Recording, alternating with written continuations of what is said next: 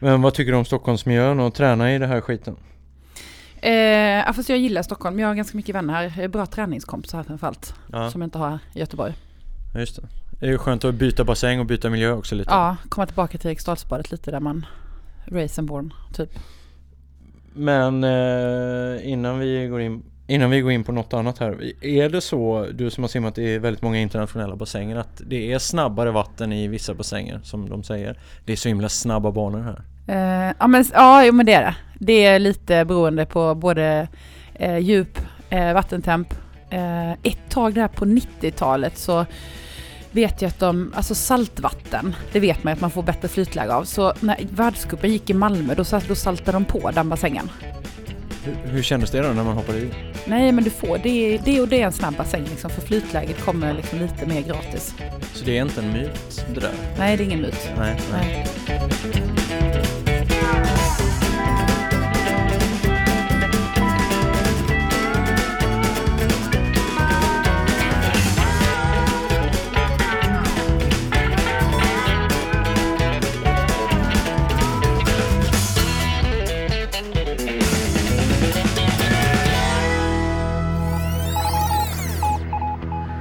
Unika människor presenteras av Compressport Kompressionskläder av högsta kvalitet. Som lyssnare får du en rabatt på compressport.se med koden UNIKA. Välj Compressport för snabbare återhämtning, förbättrad prestation och för att förebygga skador. Vitamin Manager. Du är fortfarande unik och ditt kosttillskott kan också vara det. Använd koden 2017 för din första leverans för 95 kronor. Buff på köpet till alla nyteckningar på rabattkoden. Välkommen till vitaminmanager.com.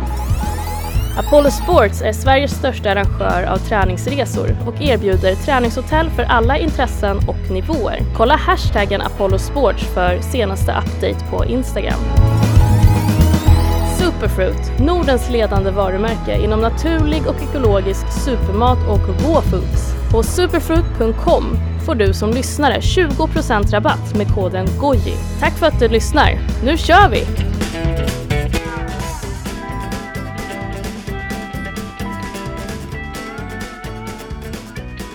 Ni som eh, har hängt med i den här podden har ju stött på Emma Igelström tidigare och eh, hon är faktiskt min första gäst som jag tar tillbaka i eh, podden och gör en liten recap på. Ett år går ju väldigt fort och då tänkte jag så här att ja, men, man kan ju, det händer ju mycket på ett år och i det här fallet har det ju hänt väldigt mycket så jag, jag, jag liksom nu skippar vi hela den här historien om vad vi berättade i sista podden. Och om ni vill lyssna på Emmas historia och det hon gjorde liksom fram till det att hon eh, började med riktig idrott, triathlon det vill säga, så kan ni lyssna på den. Men nu ska vi bara avhandla, tänkte jag, det sista året. Välkommen till Unika Människor, Emma Igelström. Tack snälla. Ära att få vara tillbaka då. Vad skönt, vad Ja. skönt. Du, eh, vi eh, inledningsvis här, vi är ju i Stockholm nu och spelar in och det var vi ju sist eh, också. Eh, det har gått ett år och du gillar att vara här i Stockholm och träna lite då och då. Stockholm har liksom alltid varit min så här, hemma elitmiljöträning. Jag har mycket träningskompisar här och det är lite som att, att komma hem. Eh, också lite så här, fly lite hemifrån vardagsbestyren nära in på tävling. Mm. Och vad, när du säger nära in på tävling, vad är det då? Ja, alltså jag åker till Sydafrika om lite drygt en vecka. Mm. Eh, om lite drygt två veckor så kommer jag stå på startlinjen på Ironman i Sydafrika som är ett av mina största mål det här året. Mm. Hur känns det att ha så här tidigt mål? eh, Vi är i mitten mars nu. Eh, många har ju inte ens cyklat något eh, ute, men det har ju du gjort. Mm. Eh, jag gillar hela tanken med tidigt mål. Jag gillar ju att tävla. Eh, så att jag kände lite förra året när det kom till Kalmar som var i mitten av slutet av augusti att fan, det var nästan så att man hinner tappa motivationen några gånger på vägen. Så att jag, eh, mm, jag gillar tidig säsong och sen har jag som du sa, jag har varit, kunnat ha förmånen att vara utomlands mycket och kunna träna mycket liksom eh, öppet vattensimning, jag har kunnat träna mycket cykel och Um, och, och även liksom känna på värmen som kommer vara där nere. Så den förmånen har jag haft. Så att jag tycker bara att det känns väldigt, väldigt skönt. Och eftersom mitt stora mål är att kvala till Hawaii på, eller i Sydafrika så känns det också skönt att kunna ha en riktig till träningsperiod emellan. Just det. Men eh, det, när du säger värme, vad, vad väntar du för värme där nere nu? Men jag har varit eh, ganska mycket i Sydafrika vid den här tidpunkten tidigare, liksom i min simkarriär och sådär. Och jag vet att det måste inte vara varmt, men det kan också vara riktigt, riktigt varmt. Men ja. det är inte så här Hawaii, Thailands värme, utan det är mer så här, eh, ja men ganska likt så Kanarieöarna-värme. Liksom. En skön värme? Ja, men det är en skön värme. Ja. Men det är tufft att springa, speciellt en maraton efter man har gjort allt det där andra i, i värme. Ja så är det. Så är det alltid och kommer tyvärr alltid vara mm. oftast. Men eh, om vi blickar tillbaks på det gångna året då. För att eh, jag lyssnade igenom eh, eh vårt avsnitt som vi gjorde för drygt ett år sedan. Då hade du precis eh, torkat av sminket från Idrottsgalan. Just det, det kom, kommer jag ihåg. kom direkt från eh, därifrån och kom till studion där vi spelade in och så pratade vi lite kring det. Men kan du bara, om vi i grova penseldrag, vad har hänt på ett år egentligen? Har du blivit något klokare? Eh, ja men klokare måste man ju säga att man alltid blir för varje år. Men det har hänt väldigt mycket. Jag tror att det har hänt eh, såklart väldigt mycket som eh, atlet. Alltså om man kopplar det liksom till triathlonen som jag ändå har satsat nu på ett år till. För ett år sedan hade jag bara hållit på med strukturerad träning i ja, sex, sju månader när jag mm. var hos dig. Alltså nu har jag ytterligare ett år i bagaget med både mer tävlingar och mer träning. Um, börjat lita på mig själv tror jag, lite mer som, eh, som triatlet också. Alltså mm. på den nivån jag är på. Men eh, så så har det hänt mycket. Sen har jag liksom varit ja, med fler tävlingar ett år till. Liksom. Det är mm. väl det. Och eh, om du skulle ta några russin ur kakan där sista året, vad skulle det vara? Vad är det som eh, du är lite extra stolt över sista året? Om man nu tänker på triathlon och, och idrottsmässigt. Eh, nej men jag, eh, det finns en stor sak för mig som kanske inte handlar så mycket om resultat, men som har hänt sista året, det är att jag, jag älskar att simma igen. Ja. Jag trodde aldrig att jag skulle kunna komma tillbaka till känslan att jag skulle se fram emot att gå ner till en simhall igen och, och träna. Eh, så det måste jag säga har varit en väldigt stor sak liksom för mig personligt. Eh, mm. det är som att så här, cirkeln är sluten någonting. Jag trodde, men jag var så övertygad om att jag inte skulle få uppleva det. Eh, resultatmässigt så är jag väldigt stolt över min tid i Kalmar. Mm. Eh, när jag gjorde 10.06 på, på Ironman-distansen. Jag hade någonstans ett mål på 10.30 det här året. Och överträffade den såklart långt. Um, jag är stolt över att jag har hållit träningen på en nivå där jag har sluppit både sjukdom och skador. Jag har varit helt, i princip helt frisk, eh, men helt skadefri. Mm. Ja, det är ju fantastiskt. Mm. Ja, men jag får inte glömma att jag är ett år äldre också liksom. ja, 25 alltså. Ja, 25, alltid. Ja. Ja. Men eh, vi pratade lite sist om att du skulle eh, faktiskt För precis när vi spelade in den här podden så hade du fått liksom lite gnistan tillbaks vad det gäller simningen Då, mm. då började du känna så här, fan det kan vara kul att simma faktiskt mm. Och då skulle du simma DM Ja Gjorde du det sen? Ja men jag har ju tävlat simning, det är klart ja. jag har gjort bassängsimning Jag har simmat både DM Fick mer smak och simmade SM faktiskt. Masters-SM Hur gick det? Nej men det gick bra, jag tog mitt första SM-guld på 1500 frisim. Ja. eh, nej, men, men 1500 gick... var ingen distans du satsade på tidigare? Nej det var det inte. Det var nej. ett nytt guld kan man säga. Det var ett nytt guld. Jag tog guld i fler distans också. Det som var mest eh, konstigt för mig, det var när jag stod på den där DM-startpallen. Det var ett par veckor efter där vi skulle spela in. Så hade jag liksom bestämt mig för att när jag slutade simma så mitt sista 100 meter bröstsim så slog jag världsrekord på. Jag bara, så kommer aldrig simma den här distansen igen. Ja, just det. Och sen så står jag där på den där startpallen och bara, alltså jag har inte tränat bröstsim på tio år och jag ska simma 100, allt kan bara gå sämre liksom. Mm, mm. Um, men det gick bra. Det var kul. Hur, får jag fråga, hur mycket sämre eh, var du? Ah, sjukt mycket sämre. Jag uh, hade väl 1.04,8 8 som pers när jag var som allra bäst och jag tror att jag gjorde så 1.09 kanske. Mm. Det är väldigt mycket på 100 meter. Ja det är mycket då. Ja, men det var så sjukt jobbigt. Alltså den mjölksyran, jag var helt, alltså jag var helt förstörd på riktigt. Jag har inte liksom utsatt mig för den Nej. graden av mjölksyra sen, sen jag slutade. Men hur, eh, det där 1500 meters loppet då, hur mm. kändes det? Eh, för det var ju en mer distans som du hade liksom eh, tränat lite mer för nu mm. då kan man ju säga. Var det 1500 meter i bassängtävling, det måste vara en riktig grisdistans. Man hinner riktig, tänka. Liksom. Man hinner tänka jättemycket och jag hade nog lite övermod innan det där loppet också. Mm. Uh, för det gick undan liksom. Det var några som var riktigt vassa på um, som var mycket, mycket yngre, liksom, som kom direkt Mm. från SM-nivå vanligt och inte var tanter ännu. Liksom. Och jag tänkte så, ah, men shit jag är stark, liksom. jag, jag hänger på. Eh, Före blev- detta elit då som kanske inte tecknar en elitlicens Exakt. och sen hoppar Ja. på Masters-SM. Oj, oj, ja. Så att det finns ju pre-master som är 19 till 24 tror jag. ja. Så man skulle i princip som också elit på SM faktiskt kunna gå in och tävla Ah, på masters. just. Mm. Eh, men det gick bra, det var kul. Eh, så att jag är lite så här faktiskt i taget nu, funderar lite på om jag kan hitta någon kvaltävling och simma 1500 på riktig SM i sommar. Det hade Mm. varit ganska kul, typ, vad blir det, 15 år senare så kommer hon tillbaka och gör det på, så här från 50 meter till 1500. Men eh, minns du vad du simmar på? Jag låg och snurrade någonstans på en 10 kanske, en 10, en 11 på, på 100. Och det är ändå hyfsat får man säga. Ja det är För en tant. för en tant får man lägga till.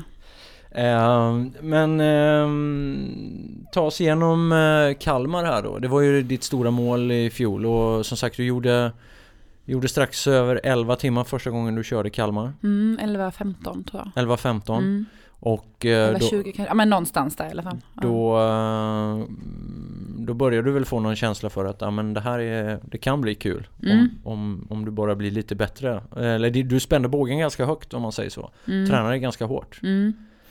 Eh, jag är ju sån, om jag bestämmer mig för någonting så kan jag liksom inte göra det så här halv, halvhjärtat. Det fanns också någon slags drivkraft i mig, förutom resultaten som faktiskt, alltså helt ärligt är någon slags bi, bisak till liksom den här glädjen till idrotten.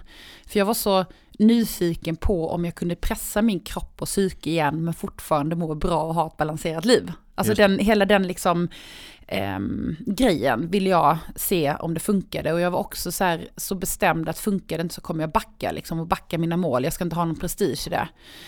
Ehm, jag har varit bäst i världen en gång, jag behöver inte bevisa något igen. Ehm, men det har fungerat hela, liksom, det fungerade hela året där och jag gick verkligen in i Kalmar med känslan av, så här, jag hade ett uttalat mål att jag ville till Hawaii. Mm. Eh, men jag gick också in med känslan av att så här, kommer det inte gå vägen så har jag haft ett sjuhelskotta kul år. Alltså, och den känslan var så himla skön att ha när jag stod på startlinjen i Kalmar. Vad var det liksom du gjorde annorlunda det året när du verkligen gick in för att, eh, att, att satsa på kvala? Skulle du säga gentemot eh, första gången du ställde dig på startlinjen? Nej men alltså det var första gången jag hade en strukturerad träning. Jag tror att jag hade 60 mil i, på cykeln ungefär första gången jag tävlade i Kalmar. Här, jag hade inte suttit på liksom en trainer eller kört en intervall på cykel. Jag hade liksom inte kört knappt en intervall i löpning. Jag hade inte simmat många gånger innan för Kalmar första gången heller. Så det, alltså, den strukturerade träningen men också kontinuiteten. Mm. Att liksom repetera, göra om och om igen liksom. Mm. Det var det största. Och jag offrat väldigt mycket tid. Ja. Offrat eller investerat? Nej, investerat. Offret är, nej, men, nej men offret är helt, det är helt fel ord. Eh, helt ärligt, för det har känts som en investering hela tiden. Ja. Jag har valt aktivt att lägga mer tid på träningen. Mm. Och det Mm. är inte ett val som jag har ångrat en enda sekund någonstans. Men kan du liksom, har du så här eh, två eh, personer på dina axlar som står och skriker åt dig att ja men fan du måste köra det där passet också och eh, den andra säger att Nej men nu är du sliten, du måste vila eller vem, vem är det som pratar med dig här? Är det, Eh, jag har aldrig haft den här, eh, tyvärr då ibland, jag tror att det är både min styrka och svaghet, men jag har aldrig haft den här personen som suktar efter vila på min axel. nej. Eh, Den rollen har ju min tränare fått ta ganska mycket. Mm. Och har gjort det det här året och utmanat mig i att våga vila också. Det, ska säga, det har varit de tuffaste passen faktiskt. Mm. När du ska hålla tillbaks lite? Ja, och hela vilodagar liksom. Ja, eh, ja, liksom jag har kommit hem ofta från så här, jag har ju varit iväg många långa perioder, två, tre veckor. Mm. Och när jag kommer hem därifrån så vet jag ju med mig att jag är mer öppen för infektioner och sådär. Då har vi backat träningen eh, Mm. ganska rejält liksom som en superkompensation. Och de veckorna har varit, liksom i början var det så här, det var vidrigt. ja. Och jag var nog inte så kul att ha att göra med då heller. Eh, Men det har jag lärt mig. Och jag liksom, idag kan jag faktiskt slappna av och vila på ett helt annat sätt. Men om vi bara nördar ner oss lite här i siffrorna kring de här två Ironman eh, vad ett år kan göra. Första gången så körde du, så simmade du på en timme, cyklade på 5.42, sprang på 4.25. Det blev 11.20. och eh, efter ett år då, och det här är ju samma bana i Kalmar då. Efter ett år så blev det 50 på simningen, du kapade alltså 10 minuter. Eh, det blev eh, 5.14 på cykeln, du kapade alltså drygt eh, ja, nästan 40 eller nästan 30 minuter. Eh, och det blev eh, en halvtimme bättre löpning. Mm. Och då minns jag att du sa att löpningen var ju din eh, kanske stora utvecklingspotential. Mm. För cykeln gillade du och hade hittat och simningen var ju Men nu, nu kapar du ju på alla grenar och Mm. ungefär eh, procentuellt sett lika mycket. Mm. Och jag skulle säga att sedan de där tiderna i Kalmar det här året så har jag utvecklats allra, allra mest som löpare. Mm. Så att jag ser fram emot för första gången löpning väldigt mycket i, eh, i Sydafrika och ser vad jag faktiskt kan, är kapabel till att göra. Mm. För det har varit en riktigt kul resa under hela hösten och, och våren här. Men eh, hur tänker du kring löpningen då? Vad är det som du har gjort annorlunda som, som du inte gjorde inför Kalmar så att säga? Du har ändå gått, eh, om man säger så här, eh, approachen, ja det är ju nästan Jag menar vi är i mitten mars nu, du, du har haft ett halvår sedan du gick i mål på Kalmar med fokuserad träning. Mm. Eh, alltså dels har vi ju skyndat långsamt på löpningen på grund av skaderisken. Eh, vilket har gjort mig frustrerad många gånger för att jag vill ju sätta igång och göra det till 110% där Kalle, min tränare, backat lite grann och liksom Mm. eh, skött det väldigt, väldigt snyggt kan man ju säga med, med facit i hand. Eh, så att jag har ju liksom haft den här utvecklingspotentialen i att kunna öka upp tid, både tid och, och intensitet i löpningen. Eh, så det är en aspekt. Eh, Jag har tappat ganska mycket vikt. Vilket också är en aspekt såklart att man blir lättare när man, eh, när man springer liksom. Mm. Att mina muskler börjar släppa. Ehm, Och sen så handlar det väldigt mycket om mentalt. Alltså jag har haft det så himla svårt att eh, simningen och cykeln, jag har inte, jag har kunnat bli trött, jag är inte rädd för att bli trött, men löpningen är det som att jag vill ha en liten livlina kvar liksom Mm, mm. på passen. Men den har jag kunnat släppa mer och mer på. Och vad distansmässigt, vad har du liksom Jag ser ju, du gör ju vissa monsterdagar ibland som är ganska stora Både simmässigt, cykelmässigt och sen lite löpning också men Som mest, vad springer du? Ett långpass liksom? Ligger du uppåt en 30 kilometer eller mer? Eller? Jag har faktiskt sprungit ett par pass upp mot 40 Ja, eh, har jag gjort. Eh, ingenting som tillhör vanligheterna, men jag skulle säga ett pass i alla fall i veckan ligger någonstans upp mot 30, 25, 30 någonstans. Ehm, men så har du nosat lite på um, längre pass också då? mm, 40. det har jag gjort bara men det är lite- ett enskilt pass eller är det två uppdelat på två? Eller på en Nej, dag? ett enskilt. Ett enskilt? Mm. Mm. Men jag har också haft eh, några veckor i höstas som har varit nästan ett rent löpfokus. Alltså där jag har nästan tränat som en löpare. Eh, som du säger, delat upp eh, på två pass om dagen. Haft simningen och cykeln mer som liksom recovery i, i, Ja. emellan liksom, bara för att hålla igång. Upplevde du någon eh, direkt effekt av det? Kompensation på det? Ja, det gjorde jag. Ja. Eh, Men det är också hårfint det där alltså med skaderisk och sånt. Ja. Jag känner ju det liksom att eh, eh, löpningen sliter ju ja. på ett helt annat sätt än vad, vad cykel och, och Mm. eh, simningen gör. Mm. Sen har jag ju fördelen eh, det är att jag kan använda simningen väldigt mycket som återhämtning. Alltså jag återhämtar mig extremt snabbt om jag får simma. Ja. Många är så här, men du simmar liksom 5000 varje dag. Bara så här, fast det är inte jobbigt för mig. Nej. Alltså det är återhämtning. Sen är det pass som är jobbiga, ja såklart. Eh, men att bara hoppa i och simma några tusen är inte jobbigt för mig. Men du, du kapar 10 minuter på en, en, eh, en Kalmar-simning, en Ironman-simning från år till år. Mm. Som gammal elitsimmare. Vad, vad kapar man de 10 minuterna? Nu förstår jag att du, du kom ju, jag menar, ja det var ju ett helt annat fokus men var det bara en annan eh, känsla också i, med våtdräkt och allt möjligt? Navigeringen satt ganska mycket i.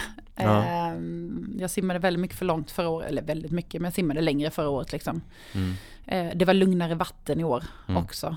Jag hade fina fötter hela vägen. Alltså Ja. jag, men det, och det är sådana grejer också, så här, då kan man ju säga så här, ja men det var bättre fötter, jag kanske inte är så mycket snabbare simning. Men det är det som är hela öppen vattengrejen, att lära sig de här sakerna. Mm. Eh, och där var inte jag förra året. Alltså jag hade knappt haft en våtdräkt på mig innan, eh, innan Kalmar liksom. Mm. Vi lämnar triathlon ett tag så vet jag att i det gångna året så har du också ägnat dig åt eh, vissa roliga lopp om man, om Mm. man säger så här. Mer, eh, ja, som inte är riktigt så här, mer äventyr. Alltså då Mm. pratar jag swimrun. Mm. Eh, Vad körde du för swimrun? Jag vet att du körde... Jag körde Two Times You Island Challenge, Just det, heter den. Ja. Det är hemma i Karlshamn. Ja. Eh, och sen körde jag Koster. just det. Ja. Vad tycker du om fenomenet swimrun? Eh, nej men jag gillar swimrun och planen är väl typ att köra lite mer i år kanske om jag nu, om allting går som det ska. Det finns ju så två planer i mitt liv liksom, det är före och efter Sydafrika.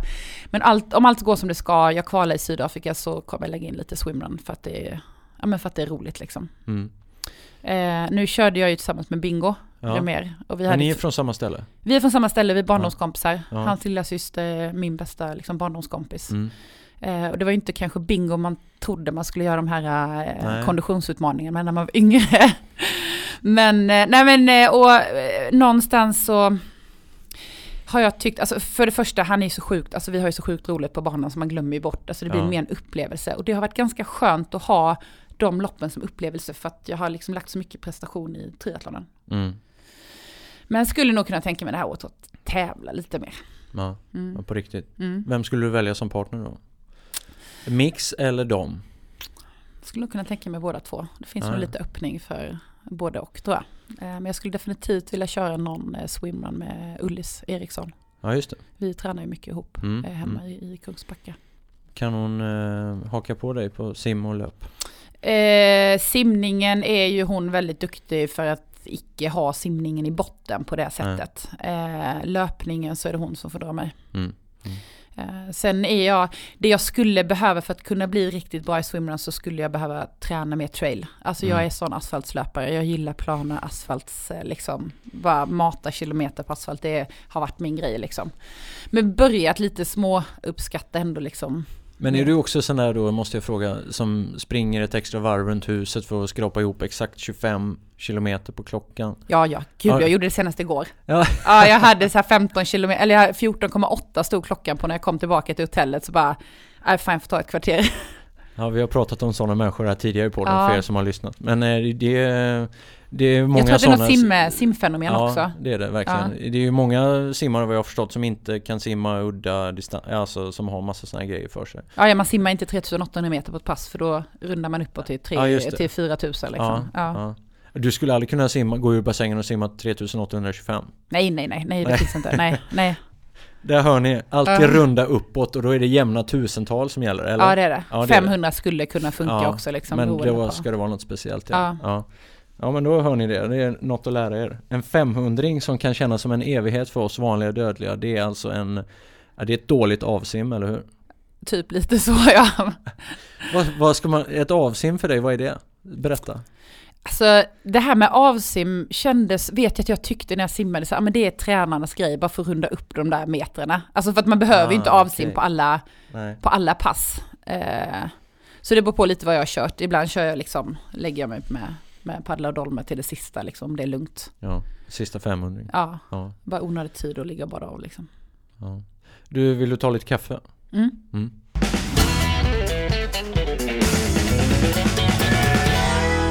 Okej, nu har vi pratat väldigt mycket om eh, simning här och Ironman-simning. Jag tänkte vi skulle prata lite om Ironman-cykling. Mm.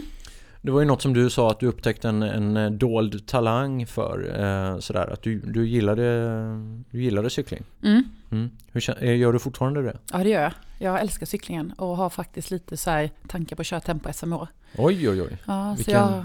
de, vilken Helvändning, eller? det skulle bli. Ja. ja det är roligt. Nej men jag faktiskt fick frågan här i våras. Eh, det, det, det har startats ett nytt elitlag i Göteborg för tjejer. Ehm, där de har haft eh, tillsammans med Göteborgsgirot startat liksom Giro Team. Eh, om jag ville vara en del av laget. Eh, och jag blev såklart så himla glad när jag ens här har jag fått en förfrågan till ett cykellag. Det var så sjukt i min värld. Eh, men eh, liksom sa som det var att jag satsar på triathlonen men jag skulle kunna tänka mig liksom att dels träna med väldigt bra cyklister men också att köra lite cykeltävlingar när tid finns. Liksom. Mm, mm. Så att jag är med i laget, kommer Mm. köra och ehm, en del tävlingar. Men mest för att också få den här bra sparringen på träning. Just det, just det. Och eh, vad, vad tror du om din eh, cykelkapacitet i Sydafrika? Vad är det för typ av eh, cykelbanor där? Ja men det är en, cykelbana som jag tror passar mig. Eh, hyfsat flack, det är någon stegring, det kan blåsa en del. Jag har mycket, varit mycket på Fuerteventura så blåst kan jag.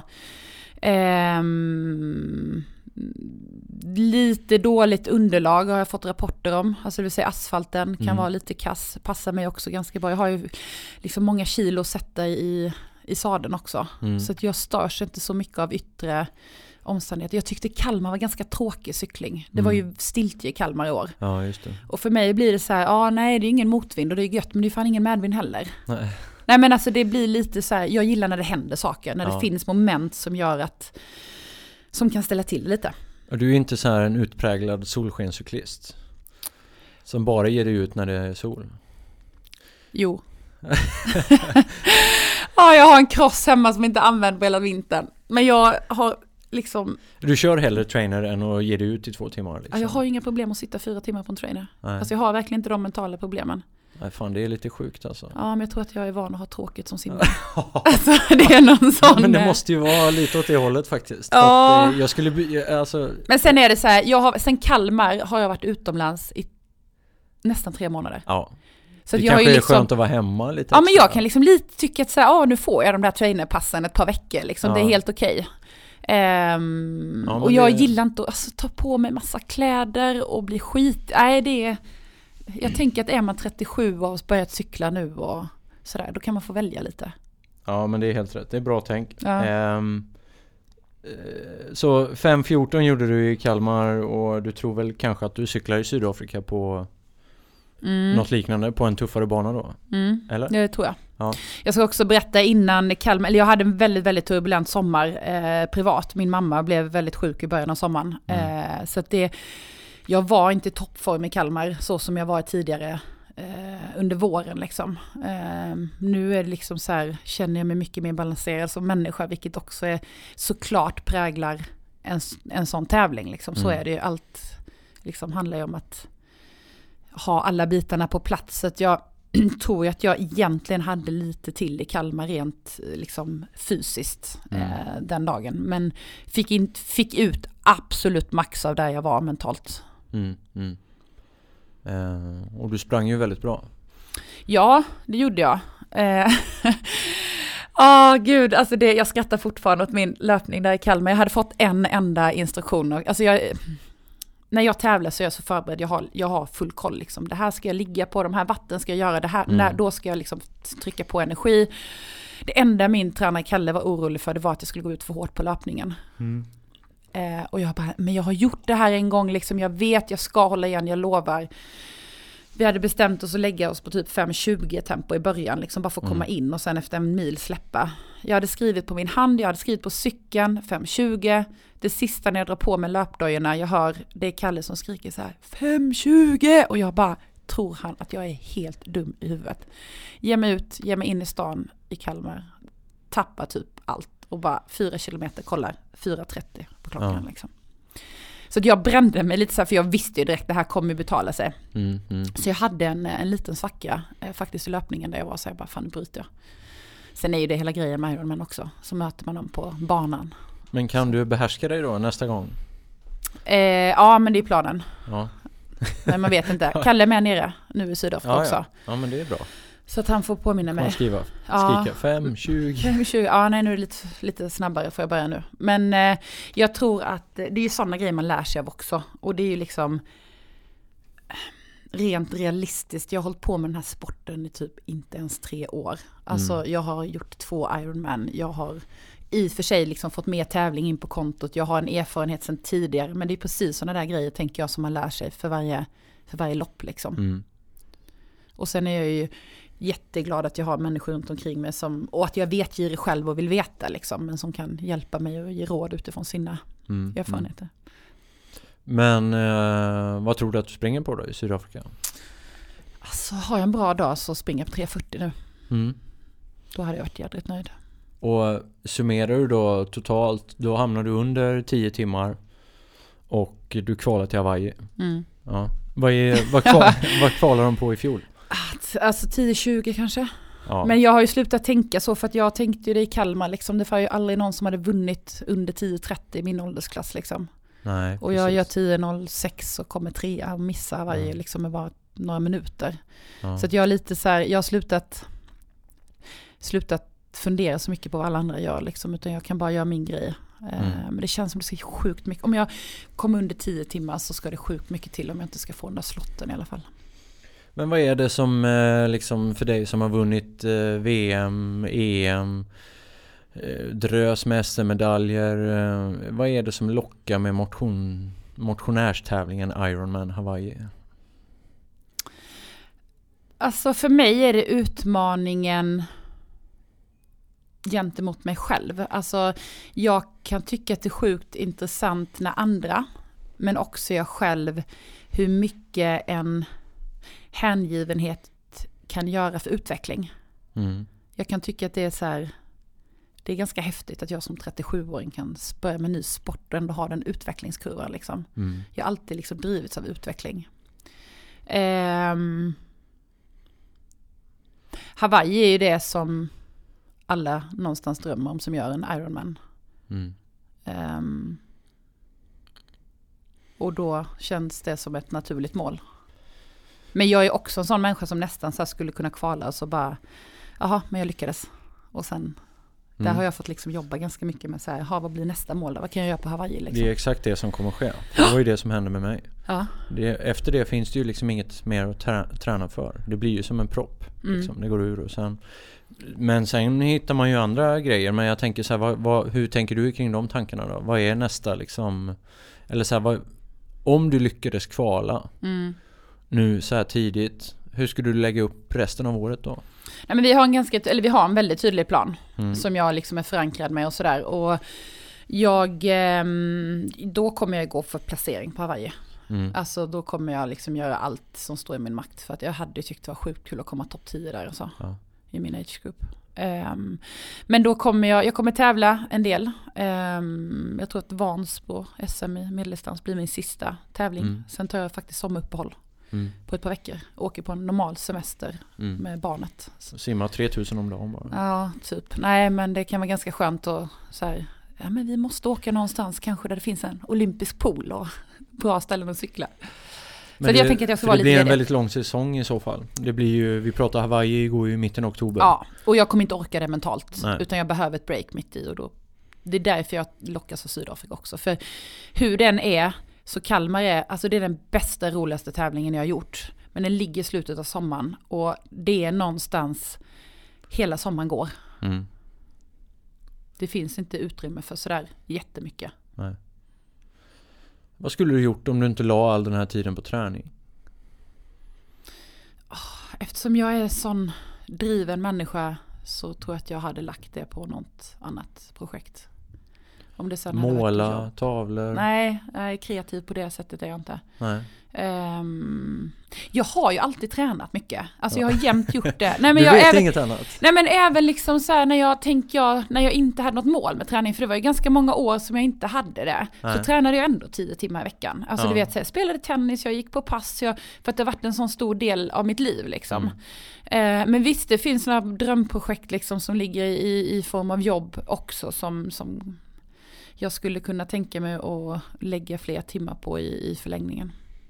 Känner du att du får liksom försaka det lite nu? Det är lite det där vi pratade om tidigare att du liksom så här offra nämnde du Mm. då och nu Fast det tog jag tillbaka. Ja det tror jag, jo men eh, känner du att du offrar lite den eh, delen? För nu vet jag att du jobbar ju lite ändå Mm. Men eh, du jobbar ju inte alls eh, kanske åtta timmar om dagen Nej, fast både och. Jag tycker också att det här, hela den här satsningen och hela triathlon-grejen har gjort att det öppnas helt nya dörrar för mig liksom. mm.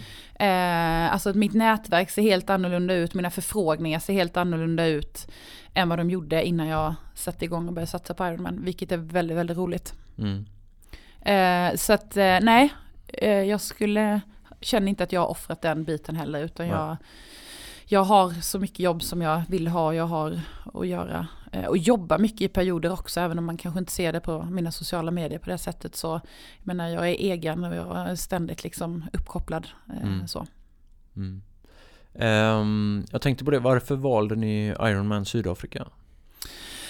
Eh, jag satt på den där banketten på i Kalmar Mm. eh, och insåg ju då ganska fort att jag kommer inte få min plats för att de som är före mig kommer ta sina slottar. Jag Exakt hur besviken blev du då? Det där var en väldigt, väldigt konstig känsla. För någonstans så gjorde jag mitt livslopp. Ja. Eh, och jag var så sjukt nöjd med alla delar och hela det här liksom att jag höll ihop hela sommaren, mamma var sjuk, alltså jag kan liksom få rysningar, jag bara tänker på det fortfarande för det var, jag var så himla nöjd när jag gick i mål liksom Mm. och så sitter man ändå där och inser att i alla andra åldersklasser, i alla andra tävlingar runt om i världen så hade jag haft den där jäkla Hawaii-biljetten Mm. liksom.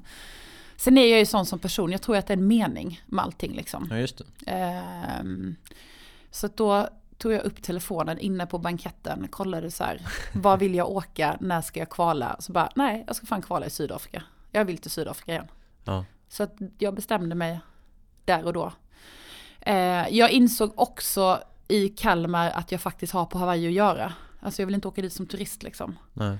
Och då var det ett ganska enkelt beslut med tanke på att tävlingen ligger så pass tidigt så att jag har en hel säsong till att träna mot Hawaii. Just det. För Kalmar är ganska tufft, det är sju veckor, åtta veckor någonting emellan. Mm, mm, mm.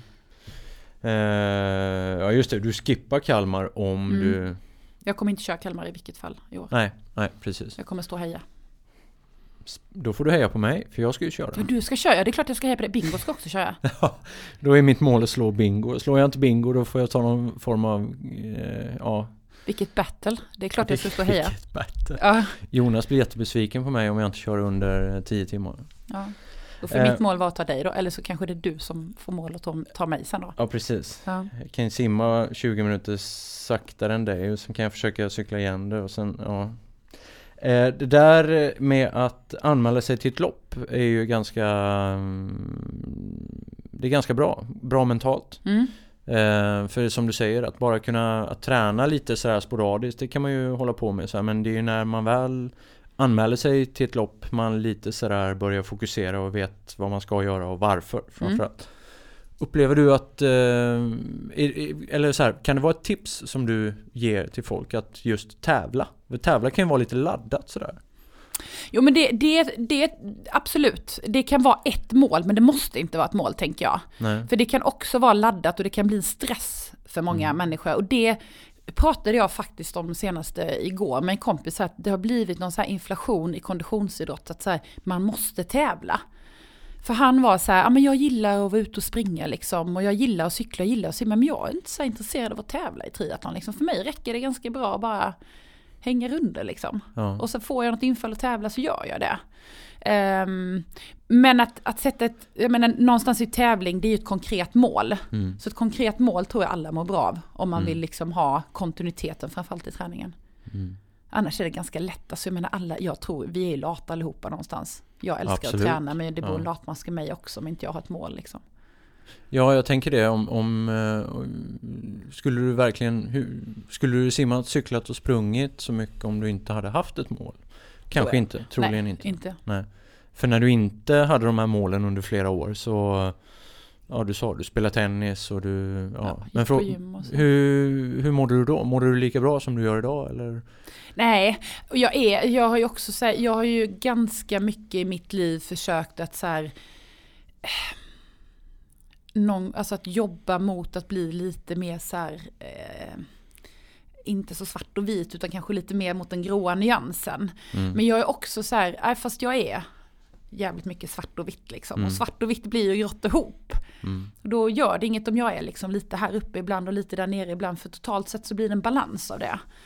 Ehm, och jag har ju också insett att jag mår bra av högt ställda mål. Mm. Jag jobbar bra under press. Eh, och jag är inte så rädd för att göra det längre. Ett tag var jag lite så här, så säker på att det kopplades ihop med mitt dåliga mående. För att jag satte höga mål och press på mig själv. Men det har jag insett nu, det gör det inte alls. Nej. Det handlar ju om hur jag förhåller mig till målet. Hur jag liksom tänker att jag ska utföra det och vad som händer om jag inte klarar det. Mm. Men eh, är, du nämnde det lite förut att, att eh, swimrun och lite mer så här äventyrsrace är lite mer roligt och det är lite mer så här mentalt eh, boost på kontot. Men Mm. upplever du att triathlon är ändå lite sådär jag menar du har ju, du har ju lagt väldigt många ägg i en korg om man säger så. Mm. Och spänt bågen. Du ska ta dig till Hawaii. Mm. Skiter det sig i år så kommer du fortsätta nästa år. Mm. Blir inte det en liten negativ stress där? Upplever Inte du? alls. Nej. Nej, jag gillar att ha den pressen. Du jag gillar det? gillar att press, Mm. tävla under press också. Eh, sen är inte jag så här så som jag sa innan också. Jag, det är inte så att jag sätter mitt egenvärde som människa på, på, liksom, eh, på spel för att jag inte tar mig till Hawaii. Jag sätter inte något annat i mitt liv heller på spel för att jag inte tar mig till Hawaii. Nej. Innan var idrotten hela mitt liv men jag har så mycket annat som jag liksom kan göra. Och jag är inte ens säker på så här, jag skulle kunna tänka mig som jag inte lyckas i Sydafrika och skita i de här grejerna i sommar och bara köra Ötjö eller något istället. Ja, alltså jag är inte, det finns så extremt mycket grejer jag vill göra. Det du gör idag, upplever du det mm, som hälsosamt? Ja, det är det. Mm. Jag, den där diskussionen kan man ju ta till leda, men det är så här, jag får ofta säga, men det är inte hälsosamt att träna så många timmar. Fast vad har timmarna med hälsa att göra? Alltså det finns människor som tränar fyra timmar i veckan och mår svindåligt över det liksom. Mm. Ehm, jag har satt upp vissa riktlinjer för min träning och för hur jag ska förhålla mig till min idrott. Där mina riktlinjer liksom så här innanför dem så är det hälsosamt liksom. Men när jag börjar avkall på vissa saker eller när jag inte genomför vissa saker eller när jag kanske inte är den mamma jag vill vara. Alltså då, då är inte mitt idrottande hälsosamt. Men jag har lyckats hålla mig inför dem, innanför Mm. de ramarna. Eh, och så länge jag gör det så ser jag absolut att det är hälsosamt. Ja. Jag märker ibland att du, du möts ju av den kritiken kan man Mm. säga just i sociala kanaler då att eh, folk blir nästan lite stötta över det där genom att eftersom du postar väldigt mycket träning, hälsogrejer online och folk eh, kan känna att de kanske inte ens hinner med en kvart om dagen själva och så tycker de att ja, men det, det, då känns det ibland som att det kommer ut lite i din kanal där. Ja, Eh, att de tycker att det är fy fan för jävligt, du är ingen bra mamma och du bara tränar hela tiden. ja, Och, och så är du snygg och vältränad. Fan dig. ja. Vad, men- vad tänker du om det? Alltså jag är så van att folk tycker och tänker om mig. De har gjort det sedan jag var 14 år liksom. Mm. Eh, så att jag tar inte det, alltså jag tar inte åt mig så mycket längre. Jag gör det ibland, jag är mänsklig och jag har dåliga dagar, då kan jag ta åt mig lite till. Eh, men just det här med Olivia har varit en sån liten ehm, sak, mina sociala kanaler. För att jag har ju också valt att alltså inte... din, eh, det är min dotter. dotter, ja Mm. hon är tio år.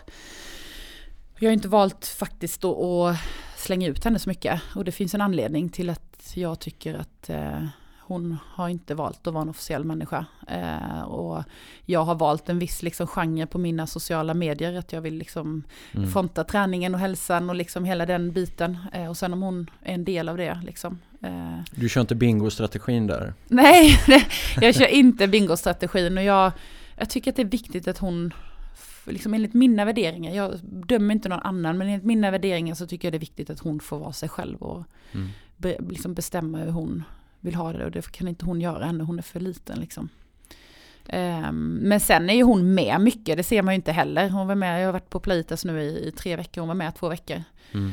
Ehm, och tycker, alltså hon har ju en gladare och roligare mamma liksom. Mm. Så är det. Så eh, det du säger är att eh, sociala kanaler är inte hela sanningen helt enkelt? Nej, nej men och så och är det ju. bilden. Jag menar jag kan väl också sitta där ibland och bara säga men shit, så här, tänka på någon annan. Men det är ju verkligen så här, det jag visar utåt är en del av verkligheten. Jag har Mm. liksom skitdagar, jag har inte, berättade inte för speciellt många att min mamma var sjuk i somras liksom. Och, ehm, det finns, alltså jag har samma personliga problem som alla andra i det här samhället har. Eh, men också så här, när jag har träningen och hela den här liksom mål, eh, målinriktningen så mår jag bra även i de jobbiga stunderna i livet liksom. Mm. Och du upplever att den här eh, formen av träning får dig att tänka klart och se, Mm. se möjligheter? Ja.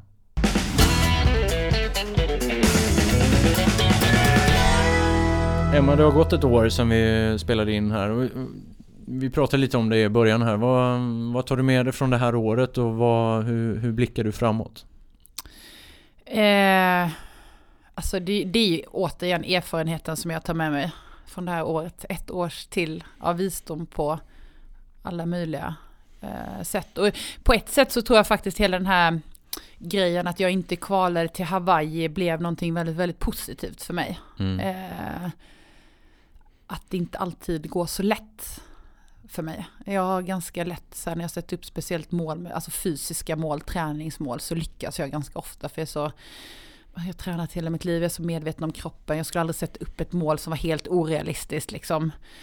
Ehm, jag tror att det har fått mig att bli en ännu bättre triatlet faktiskt. Mm. Att jag inte lyckades kvala den gången i Hawaii. Jag är inte säker på att jag hade haft ett Ironman-mål det här året om, inte, om, om jag hade kört Hawaii i oktober.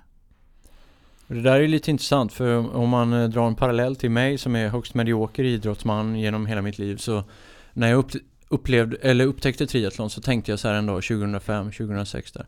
Jag kanske en dag kan ta mig till Hawaii. Mm. Men det är, jag har aldrig vunnit en tävling i hela mitt liv. Jag har aldrig gjort något. Jag lärde mig simma som vuxen liksom. Jag tänkte Mm. att, och då, eh, det tog ju faktiskt mig sju, ja, sex år av misslyckande innan man prickar en tävling och lär sig tillräckligt mycket för att liksom, ta sig till Hawaii. Mm. Så att, och det är verkligen, och du kommer ju lite från andra hållet också att, att lära dig något nytt och lära dig handskas med att vara bara helt, ja det här är en helt ny idrott för dig. Mm. Eh, så att det, är- det är verkligen att eh, långdistanstriathlon är ju gnetens sport alltså. Man Absolut. måste verkligen lära sig hantera distansen och eh, eh, ja det är spännande.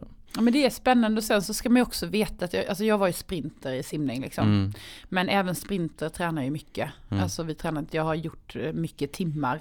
Så att jag har inte haft den där inkörningsperioden i att träna det här mentala som jag tror mycket Ironman handlar om också. Att så här, övervinna smärtan, att övervinna när man tappar motivationen. Alltså det har jag gjort om och om och om igen eh, i simningen. Ehm, och sen också att jag så här, ja det var någon som sa det så här, det är lite fuskigt för att du har simningen gratis. Man bara, fast är det någon idrott jag inte har gratis så är det simningen. Kan man ju börja räkna många timmar jag har gjort för att ja. nå dit. Men någonstans tog jag ändå med mig en av idrotterna in i Mm. triathlonen. Så det blev ju en mindre idrott att liksom i alla fall lära mig på nytt. Men det är också med triathlon, jag menar med långdistans-triathlon. I, I simningen så hade du kanske, hur många starter gjorde du på ett år? Liksom? 100? Ja, ja, ja, gud ja, nej men mer. Alltså, det var ju tävling hela många, tiden. Du hade liksom. så många chanser liksom. Ja. Och här får du vänta ett år nästan till en ny chans. ja, fast OS är var fjärde år. Ja, precis. VM är varannat år. Så det är lite, jag brukar Ja, tänka på ja. det som att eh, Ja men det är en bra liknelse. det är liksom ett, ett VM. Eh, och jag vet också att jag alltid har varit bäst när det gäller som mest. Mm. Och den tryggheten är den är skön att ta med sig in. Alltså allt det där eh, erfarenheten kring nervositet och tävlingar och prestation och icke-prestation och Mm, misslyckande är eh, bra att ta med sig in i en ny idrott, så är det. Jag tänkte vi skulle avrunda den här eh, uppsamlingen av Emma Igelström eh, avsnitt två. Vi Mm. kanske står här om ett år igen. Det hoppas jag Varken- verkligen. Ja. Varken snyggare eller klokare. Men eh, det hoppas jag. Eller jättesnyggare och snyggare. klokare. Massa Precis, klokare. och eh, Hawaii-medalj runt halsen och eh, eh, pratar om framtiden. Mm. När du ska ge dig in i ridsporten. Eller något. Det kommer nog aldrig, just ridsporter, jag är svinrädd för hästar. Så att, eh, Jaha, ah, där, någon annan idrott skulle, ska man aldrig säga aldrig. Ja, golf, kanske. eh, Yoga kanske. Yoga, VM i yoga Ja. 2020. Men eh, är det något som ehm, eh, du vill tillägga? Nej, alltså egentligen, jag jag är ju på min nivå utifrån mina förutsättningar, men någonting som jag så här kan ändå så här skicka med, eller som jag kan, lite så som alla kan relatera till, och det är att jag ofta får höra så här att, ja men om man ändå hade dina förutsättningar och för mig är det för sent. Men liksom, det är aldrig för sent. Alltså jag är 37 år, visst jag har en elitidrottsbakgrund, men jag har fortfarande liksom en biologisk klocka som alla andra och jag blir äldre. Eh, men att det är aldrig för sent. Och det Nej. går att utvecklas som vuxen och det är så himla himla häftigt. Så oavsett vilken nivå man liksom kliver in på, vilken ambitionsnivå man har, att så här, kan jag tycka att det är så sjukt häftigt med hela den här konditionsidrotts liksom att folk vågar. Ja. Att så här, ge sig in i nya saker, att utvecklas, att så här, lite skapa sig ett liv kring det. Mm. Och där skulle jag vilja koppla in och säga att om ni ändå om det ändå aldrig är för sent så ska man ju tänka att ta det väldigt lugnt. Mm. Att starta sakta. För jag menar man kan inte dra på en sån vecka som du tränar om man kommer från ingenstans. Nej, Eller inte har gjort grundarbetet. exakt. Och det har jag ju sett mycket i triathlonen också, faktiskt Ja. tyvärr. Det här. Ja men både det att man ska träna mycket timmar men att man också kanske glömmer av allt det andra i livet. Liksom man är högpresterande på jobbet och man är småbarnsförälder och, man så här, och alla blir bara sjuka och skadade. Mm. Som det, jag, är det något jag inte ofta gör på mina sociala medier, ibland, det är faktiskt att skriva ut hur mycket timmar jag tränar. Nej. Man ska också då veta att om jag tränar 20 timmar i veckan nu, det är hälften av vad jag gjorde när jag simmade. Det är som Mm. att gå från fyra till två gånger i veckan. Liksom. Ja. Så att man får hitta sitt eget sätt Mm. och nå sin egen framgång. Emma, tack så jättemycket för att du ville vara med i andra säsongen här, eller andra året Mm, av tack Unika själv Människor. för att jag fick komma. Och eh, vi önskar dig väldigt stort lycka till i Sydafrika och eh, vill ni följa Emma så gör ni det, var gör man det någonstans? Eh, men jag kommer lägga ut länkar till de här livesidorna, Mm. live-rapporteringarna. Jag har ryktats om att de kommer tv-sända också faktiskt. Mm, mm. Så det får man jättegärna göra. Men sociala medier, Emma Igelström, i ett ord Just det, just det. på Instagram. Där Mest. kan man följa och sen eh, så får vi se hur det går och vi hoppas ju givetvis att det blir en Hawaii-biljett och eh, tack så du. Tack själv. Du har lyssnat på podden Unika människor med Jojje Borssén i samarbete med Compress Sport, Vitamin Manager, Apollo Sports och Superfruit. Glöm inte att ge podden ett betyg i iTunes. Sprid podden genom hashtaggen unika människor. Tack för att du lyssnat!